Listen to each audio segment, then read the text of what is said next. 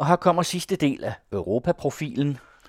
Annette Brun Johansen er vært, og den første stemme, vi hører, er den polske præsidents.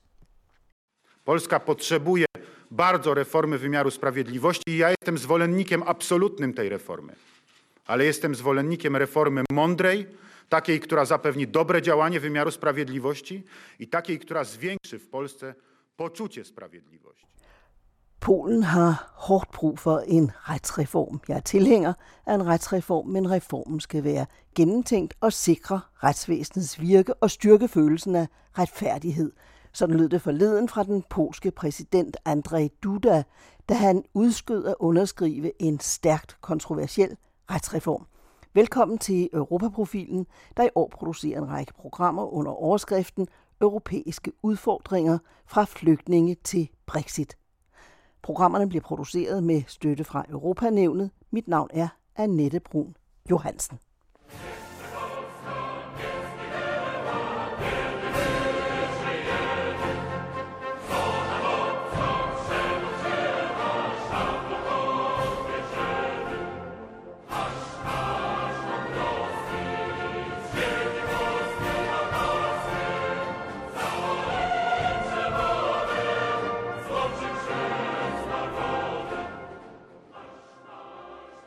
Det var overraskende, da den øh, polske præsident Andrzej Duda bremsede en omstridt og stærkt kritiseret retsreform.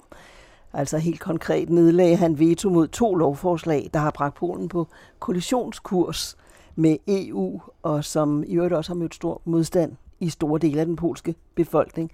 Eller store dele, det kan vi øh, vende tilbage til Jens Mørk, chefredaktør for netavisen Polen nu.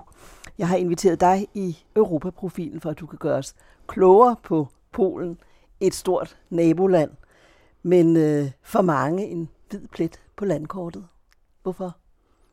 Det har jo selvfølgelig et historisk baggrund, og jeg tror på den periode, hvor, hvor Polen og Danmark har været adskilt på grund af den kolde krig, det vil sige fra, fra 39 og, og frem til 89, der har det været uden for vores radar der har vi kun haft en, en stor Sovjetunion og Varsava-pakten og så videre at forholde os til.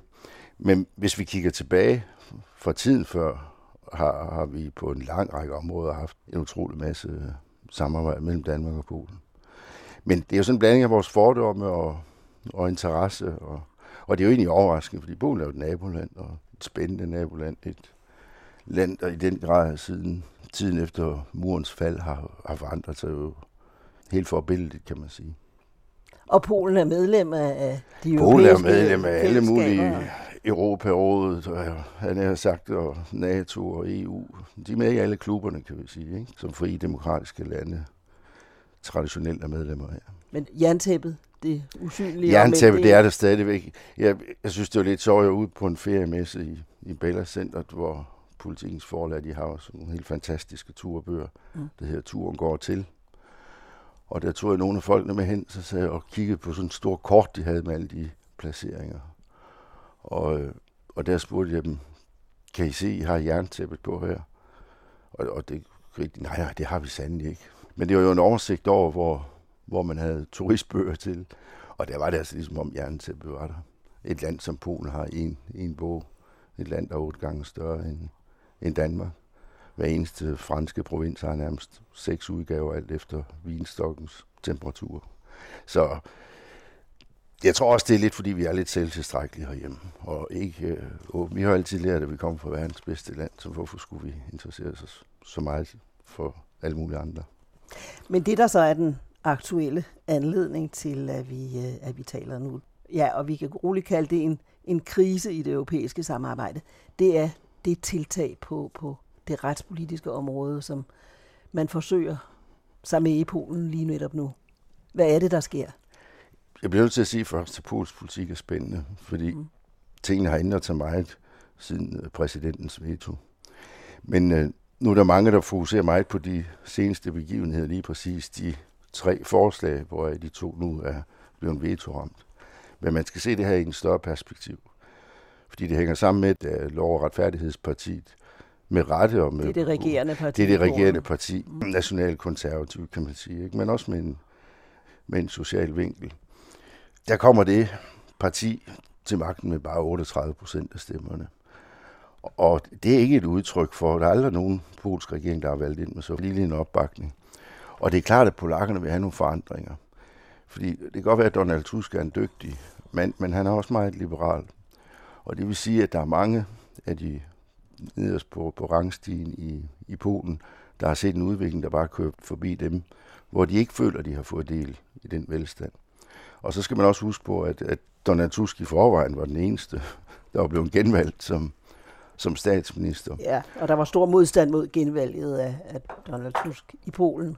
Ja, men man skal også se det i lyset af, at, at der var en hel række skandaler, da han var på vej væk. Der var en hel masse båndoptagelser, der blev, der blev lækket fra nogle fortrolige samtaler, som var fuldstændig klædt, klædt tøjet af det, der så var det tidligere regeringsparti. Så de havde ikke en chance.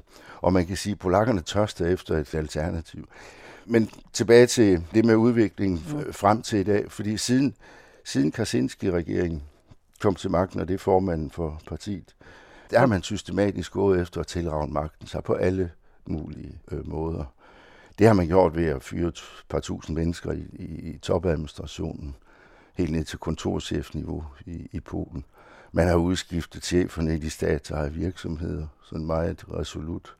Man har virkelig overtaget det, der svarer til, til DR i Polen, TVP, som jo direkte er blevet en, en PR-afdeling. Jeg kom til at sammenligne Pols tilstand lidt med Nordkorea, og det gør jeg med henvisning til Barack Obamas besøg sidste år til, i forbindelse med NATO-topmødet, hvor Obama han kommer med en kritik, en meget uhørt kritik af, af, af Polen, men, men berettiget på grund af den demokratiske udvikling.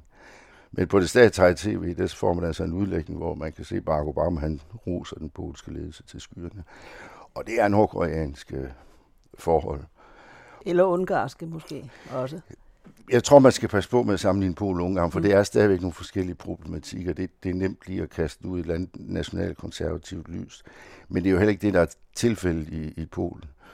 Altså, Polen er i en ledelse, aktuel ledelseskrise lige nu. Man har haft en situation længe, hvor en mand, en partiejer, Krasinski, har siddet på et meget, meget snævert flertal og har kørt alt igennem. Han har sat forfatningsdomstolen ud af kraft.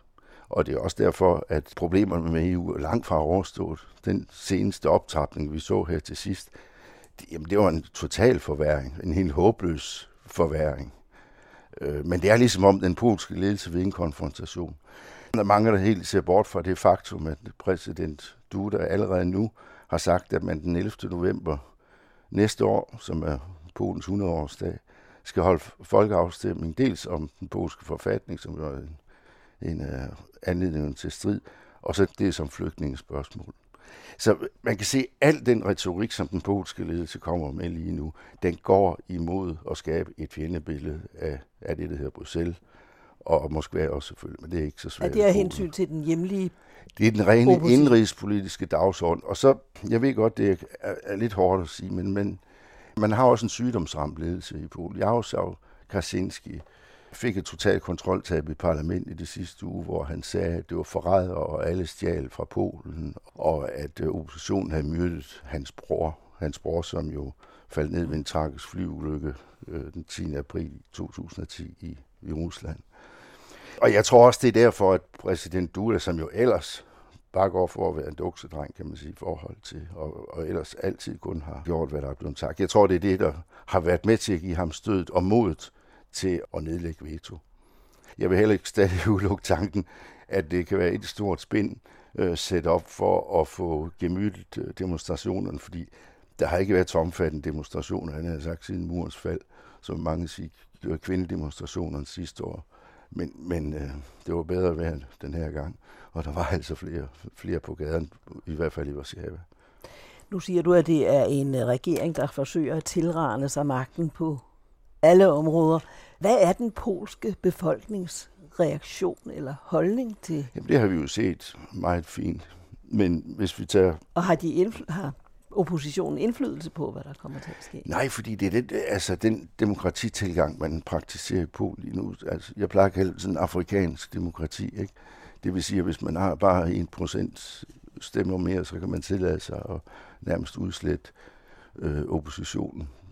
Og der ved man ikke, at demokrati omfatter også at tage hensyn til, til mindretal. Men det kapitel er man ikke kommet til i grundlovens blå, blå bog, i Polen i hvert fald. Med den retsreform, vi så taler om, hvad er det, den går ud på? Altså, hvad er det, regeringen vil have, have gennemført på, øh, på det retslige Det, det handler om, hvem der, kan, hvem der har serveretten ja. til at ud, udpege højesteretsdommerne. Ja. Men, men en af dem, som han ikke har nedlagt veto mod, giver øh, den polske justitsminister ret til at fyre alle lokale regionaldommer i en periode på seks måneder. Det vil sige, at man går ind direkte og tillader, at hey, vi har en dommerstand. De har ikke lige helt forstået, hvor det er, vi vil hen med det her mini-diktatur. Det, vi skal vist lige have skiftet dem af dem ud, der ikke, der ikke kan følge brugsanvisningen i, i vores system. Og så kynisk er det i Polen. Men det, der kan holde humøret op, det er, at polakkerne det er nogle seje folk. Og man skal også huske, at det er de mest europaglade europæer, eller EU-glade europæer, der findes. Og jeg tror også, det, der har været meget udslagsgivende til de her reaktioner, også til Dudas øh, reaktion måske, alle de voldsomme protester fra, fra EU, fordi polakkerne, de vil med EU. De elsker, at de kan rejse frit og så videre. Mm.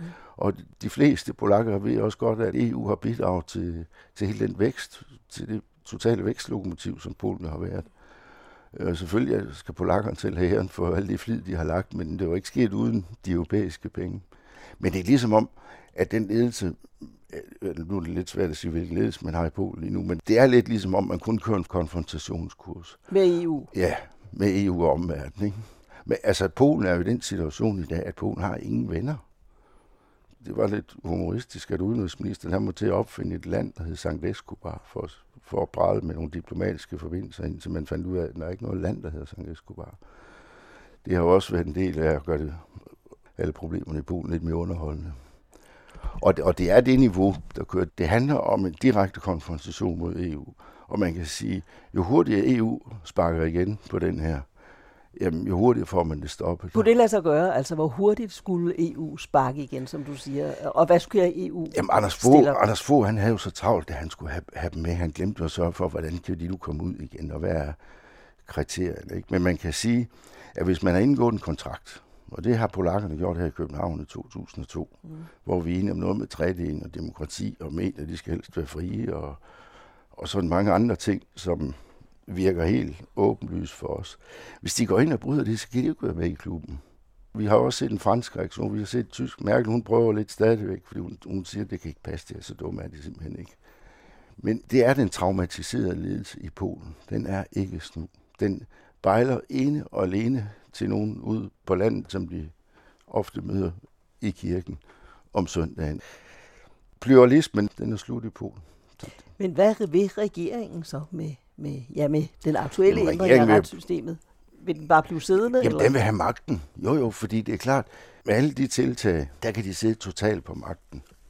Altså, det er jo også rabiat, så i irritation over, der sad mange øh, borgerne platform, det vil sige dem ikke regeringsparti, men oppositionsborgmester rundt omkring i mange af de, mange af de store byer, jamen så kom Krasinski med den lov om, at man kunne kun sidde som borgmester i to perioder, ligesom med præsidenter. Ikke?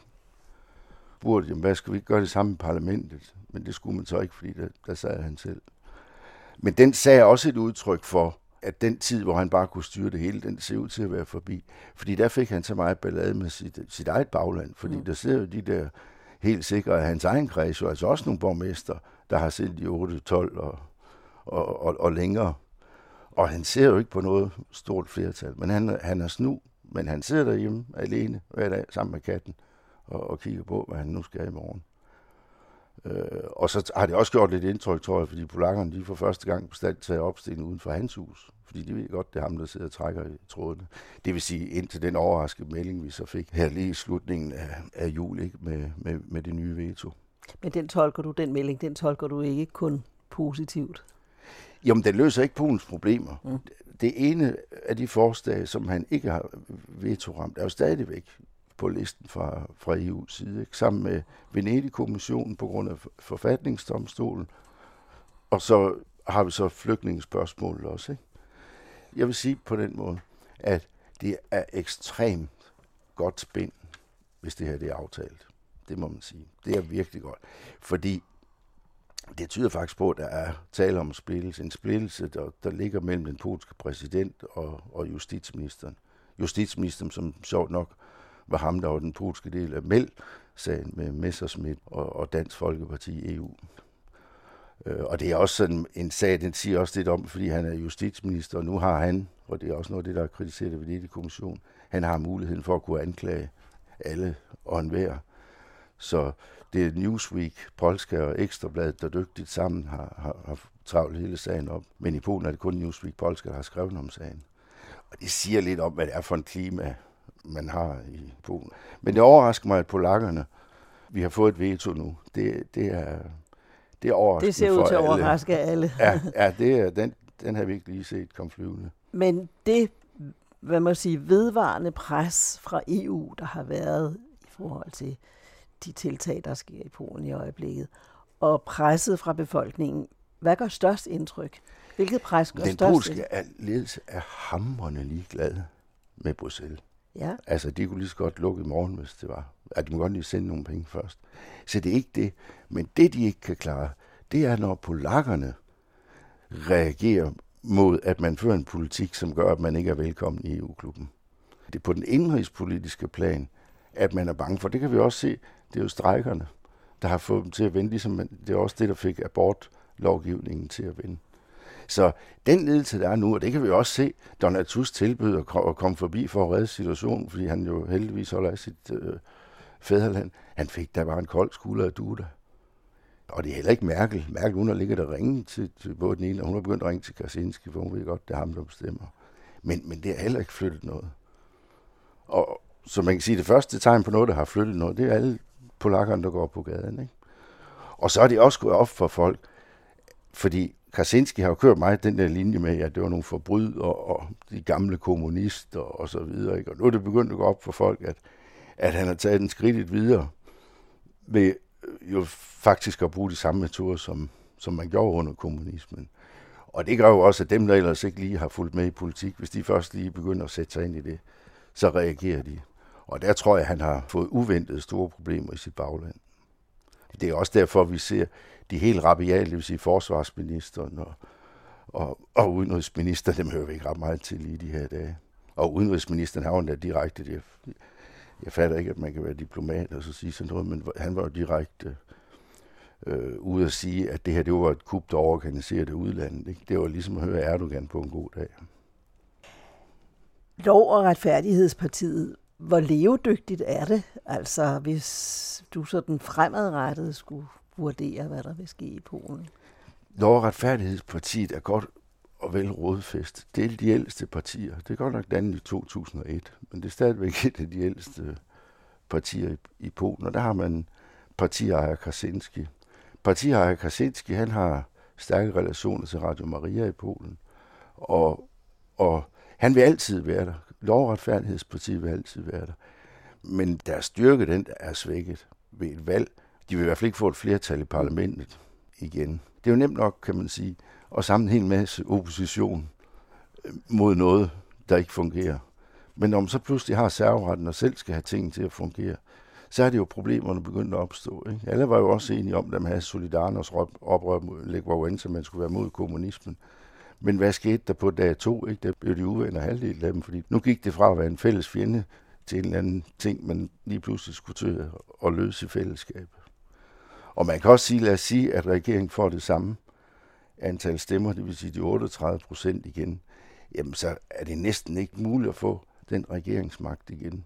Fordi der sidste gang var et stemmespil på 18 procent, og det er altså helt uhørt i et hvert demokrati, at 18 procent af vælgerne øh, ikke bliver hørt. Hvis du skulle øh, sammenligne Lov- og Retfærdighedspartiet med et partidannelse, vi kender herfra, er der så overhovedet noget, der ligner det parti? Nej, man kan tage elementer, fordi vi prøver tit herhjemme, når vi vil sammenligne noget polsk politik, og så der formentlig også til andre steder, og sætte det ind i, i en politisk dagsorden, som vi kender den, hvor vi har en traditionel opdeling af tingene. Her, her er det et andet mix, på grund af en anden kulturel baggrund. Nu for eksempel Lov- og Retfærdighedspartiet. Jamen, de er gået til valg på en hel masse sociale ting, på, på gode ting. De støtter børnefamilier. De vil sætte den polske økonomi over styr, fordi de har givet 500 slot til øh, per barn per måned, sådan en barnereform. Det, og det, det er så mange penge, hvis du har en tre stykker af dem, så, så bliver mor derhjemme, i hvert fald i mange af de der polske egen. Og så er der en lang række på, de har hævet mindstelønnen. Så, så man kan ikke sige, at det er sådan nogle grimme nogen, der bare kommer ind. Og, de har virkelig løftet. Og det, som Tusk svigtede med hans, mm. sin liberale regering, ikke? det samler de op på. Det er lidt ligesom, da Dansk Folkeparti lancerede ældrechecken. Ikke? Nu kører vi lige nogle stemmer her på for en stund. Så er det stærkt katolsk jo, først og fremmest. Og øh, polakkerne er jo katolikker. Og så meget nationalt stærkt. Ikke? Og det er jo også den, det er jo nationalismen, han kørte på. Når, når Krasinski kan få held til at, at sige de slemme både i, i Moskva og i Bruxelles, så er det jo fordi, han kører på nationalisme. Han mener, han har sådan en stor tanke, det er jo ligesom at høre nogle andre historiske skikkelser, som det ikke går så godt. Ikke? Han har nogle, nogle sjove, mærkelige tanker om den nye polske republik, hvordan den skal se ud og sådan noget. Polakkerne det er heldigvis nogle seje folk. Når de er blevet trukket rundt længe nok med næsen, så siger de fra. Jeg tror faktisk, vi er kommet i den situation nu. Jeg blev spurgt, da der var demonstration, og parlamentet blev besat her i vinter, hvad sker der til valget om to år? Så siger jeg, jeg tror ikke, det bliver valget om to år, der kommer til at afgøre det her. Jeg tror, der vil ske noget inden. Men Polens politik er så uforudsigelig, så, så der kan ske så mange ting. Også fordi man handler meget irrationelt. Det kan man jo se. Polen har lagt sig ud med alle lande det tror ikke, der er. Nu prøver de at opfinde nogle nye begreber med noget samarbejde med tre store have. Det er jo sådan nogle luftkasteller.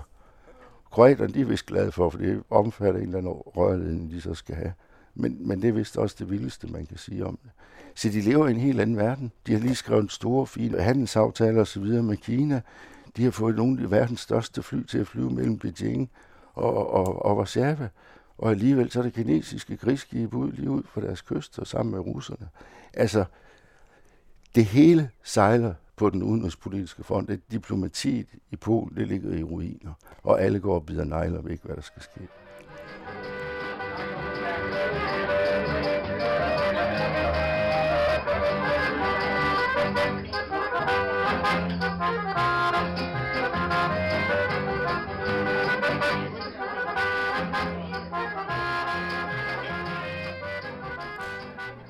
Altså Polen og, og de fremmede. Her hører vi lige noget klesmermusik på Café Ariel i Krakow.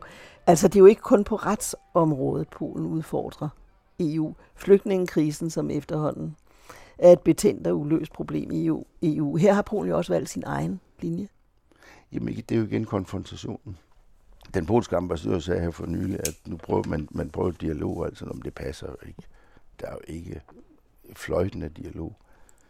Venedig-kommissionen blev sendt hjem. Flygtningespørgsmål, det har vi jo hørt. Altså, Krasinski har været ude og sige, som han, en af hans bedste undskyld er, at de, de har smitte med.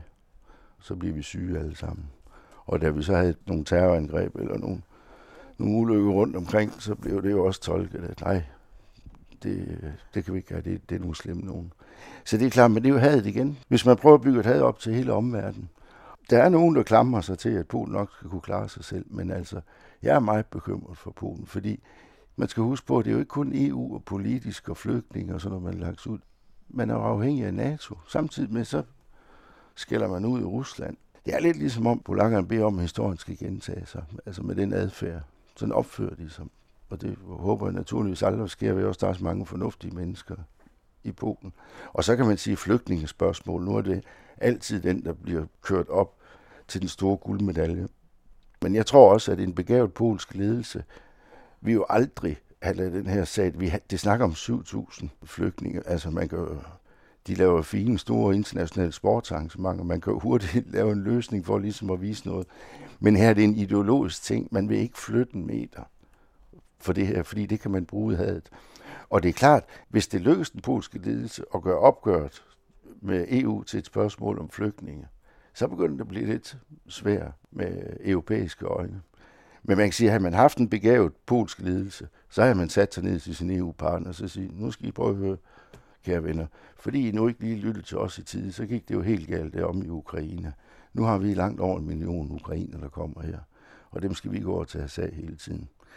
Kunne vi ikke lave et eller andet med det der? Fordi vores befolkninger, de ser skræmmebilleder. De har hørt for mange historier fra jeres hovedsteder. de har bildt dem alt muligt ind om, hvordan de slår ihjel alle, alle dem der. Så der har vi et særligt problem. kan vi ikke lave et eller andet? Og så tror jeg, at EU er begavet nok til at have, man løst det for længst. Men Krasinski-fløjen, og det har statsministeren også været ude at sige, kører en uændret linje. Og det gælder hele retsområdet, det gælder alle demokratispørgsmål, og det gælder i kampen mod EU. Så man må håbe, at EU tager action, fordi det er EU, der har, der har øh, trumferne i det her spil.